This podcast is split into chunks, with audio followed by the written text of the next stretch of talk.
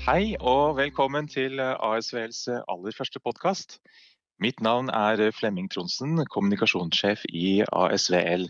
Arbeidsgiver og interesseforening for 200 kommunalt eide vekstbedrifter over hele landet.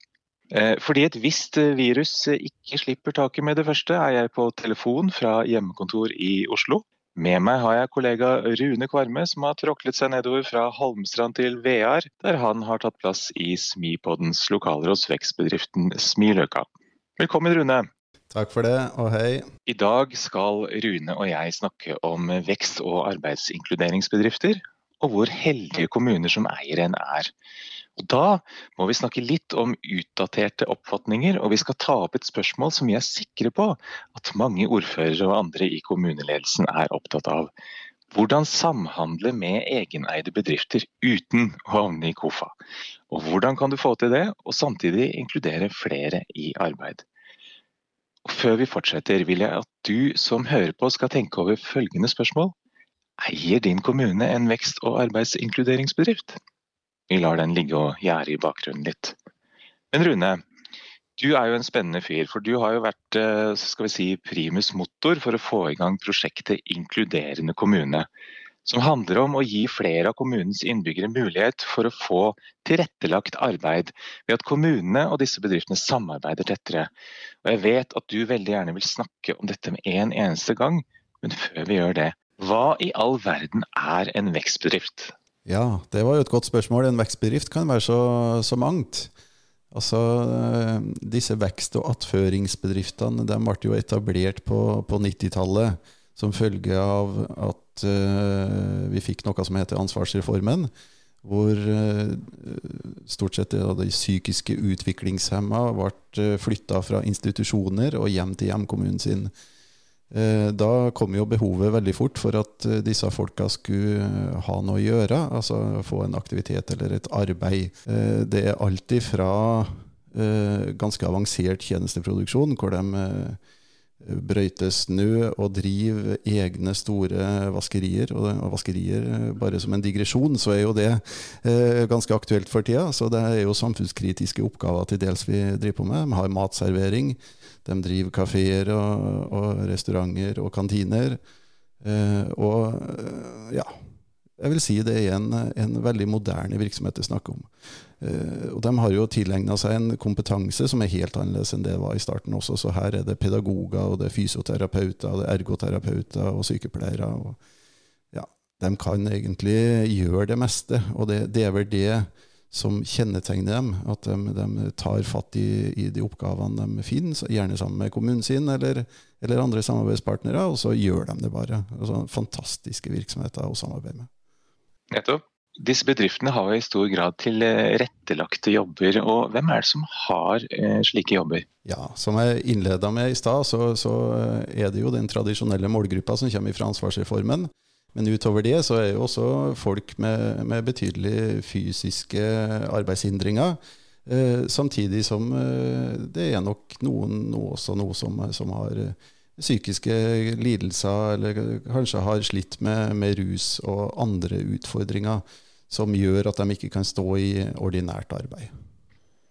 I tillegg er det vel også sånn at bedriftene driver med arbeidstrening. Ja da, altså disse bedriftene driver jo selvfølgelig ikke bare med varig tilrettelagt arbeid, ikke alle i hvert fall. Eh, og en del av dem har et tiltak som heter AFT, altså arbeidsforberedende trening. Arbeidsforberedende trening det er altså et tilbud for folk som har falt ut av arbeidslivet pga. sykdom, eh, skade eller lyte, som det heter. Og det kan jo være hvem som helst så, så, som trenger rett og slett litt drahjelp til å komme tilbake til arbeid. Så hvis jeg sier eh, verna bedrift, hva sier du da? Ja, det er vel en dinosaur av et ord som, som hører fortida til. Altså, jo, eh, de har en slags verning i og med at det er staten som, eh, som betaler arbeidstakerne. For, fordi arbeidstakerne på en vekstbedrift de jo, har jo utgangspunkt i uføretrygd, så i bunn. Så, så, men der forsvinner på en måte verne, vernebegrepet. Utover det så jobber disse arbeidstakerne som alle andre arbeidstakere, og de, de gjør et uh, dugelig arbeid. Så, så, ja. Skjønner.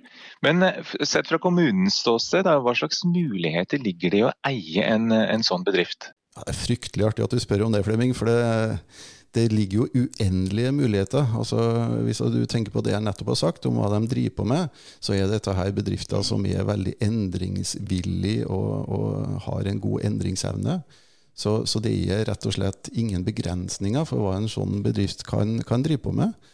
Eh, når, når, en kommune eier en sånn bedrift, så, så har de altså muligheter til å, å flytte deler av produksjon- og tjenestetilbudet sitt over til denne bedriften, og få utført det av, av bedriften i stedet for å gjøre det sjøl.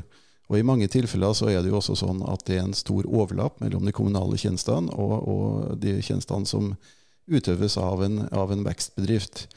Eh, og så er det jo sånn at de, de, denne vekstbedriften er jo en del av kommunen, for de eier den.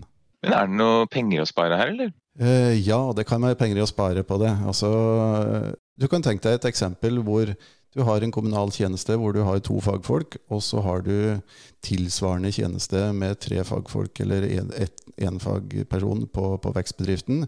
Så er det jo eh, sånn at uh, slår man sammen disse tjenestene, så blir det en, en mer eh, solid tjeneste ut av det, som er mindre sårbar for f.eks. Eh, sykefravær. Sykefravær er jo heller ikke en, et issue når du, du setter ut tjenesten til en, et AS, fordi da må jo bedriften løse problemet uansett. Så, så der sparer kommunen en del bry og, og, kanskje penger. Men så er det jo også sånn at uh, det handler jo ikke bare om å spare penger. Det kan godt hende at tjenesten koster det samme som om man skulle gjort det sjøl, eller satt det ut til andre. Men er, man må se litt på tilleggsgevinsten. For tilleggsgevinsten er jo at man sysselsetter folk som står langt ifra et normalt arbeidsliv her. Eh, og, og man må se på, på, budsjettene i sammenheng. ikke sant? For du sparer mye på helsebudsjettet med å ha folk i aktivitet på, i arbeid. Eh, og jeg tror til og med Erna Solberg har sagt at det er mye helse, mye god helse i, i arbeid. Ok, dette høres jo veldig bra ut, men sett fra kommunens side, altså helt konkret, hvor skal man begynne hen for å få til et bedre samarbeid med sin eh, vekst- og arbeidsinkluderingsbedrift? Ja, altså man må jo i hvert fall begynne med å snakke sammen. Det tror jeg er, det viktigste. Så er det sånn at vi har jo, vi jo starta dette prosjektet her eh, for å lage noe verktøy, sånn at kommunen og bedriften bedre blir i stand til å snakke med hverandre. Eh, og det skal jeg kanskje komme tilbake litt etterpå, når det gjelder virkemidler i prosjektet. Men, men uh, nå er det sånn at enhver kommune er egentlig pålagt å lage en eierskapsmelding for sine egeneide AS-er. Så jeg tenker det er et godt startpunkt. Ta kontakt med bedriften og ta et eiermøte. Diskuter hva bedriften trenger og ønsker og vil for å komme seg opp og frem i, fremover. Eh, og, og, se om det er noen noe fellespunkter med den kommunale virksomheten. Og Så nevnte du at det var, det var, noen verktøy her, eller noen virkemidler som ligger i inkluderende kommuneprosjekter. Kan du si litt om det? Ja, det kan jeg si noe om. Altså, vi starta jo dette prosjektet for å få opp dialogen, altså for å få opp samarbeidet mellom disse bedriftene og kommunene. Eh, og det vi oppdaga veldig fort, det var at eh, det største problemet, eller den største utfordringa for en kommune med å ha en økonomisk samhandling med vekstbedriften sin, det handla rett og slett grann, eh, om eh, innkjøpsregelverket.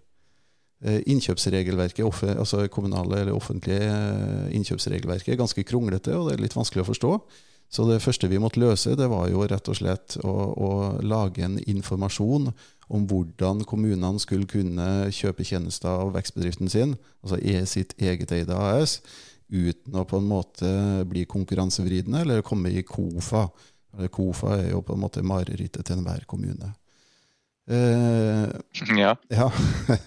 Etter det så, så, fant vi jo fort ut at her måtte vi også ha en, en erfaringsdatabase, sånn at både kommuner og vekstbedrifter uh, hadde noen eksempler å se på. Så det vi gjorde, var at vi samla inn opplysninger fra alle landets vekst- og attføringsbedrifter, og, og, har da laga det vi kaller for erfaringsdatabasen. Så det går an å se hva som er gjort før, så du slipper på en måte å finne opp kruttet da når du når du går inn på ASVL sine hjemmesider og ser på den erfaringsdatabasen. Tusen takk, Rune, og tusen takk til deg som uh, hørte på. Du har hørt på en uh, podkast fra ASVL, arbeidsgiver og interesseorganisasjon for bedrifter som gjør arbeid mulig for alle. Og tusen takk til Smipodden som gjorde dette mulig. Aksel Steinsholt bak spakene og Håkon Stevens i kulissene. Ha det bra! Ha det! you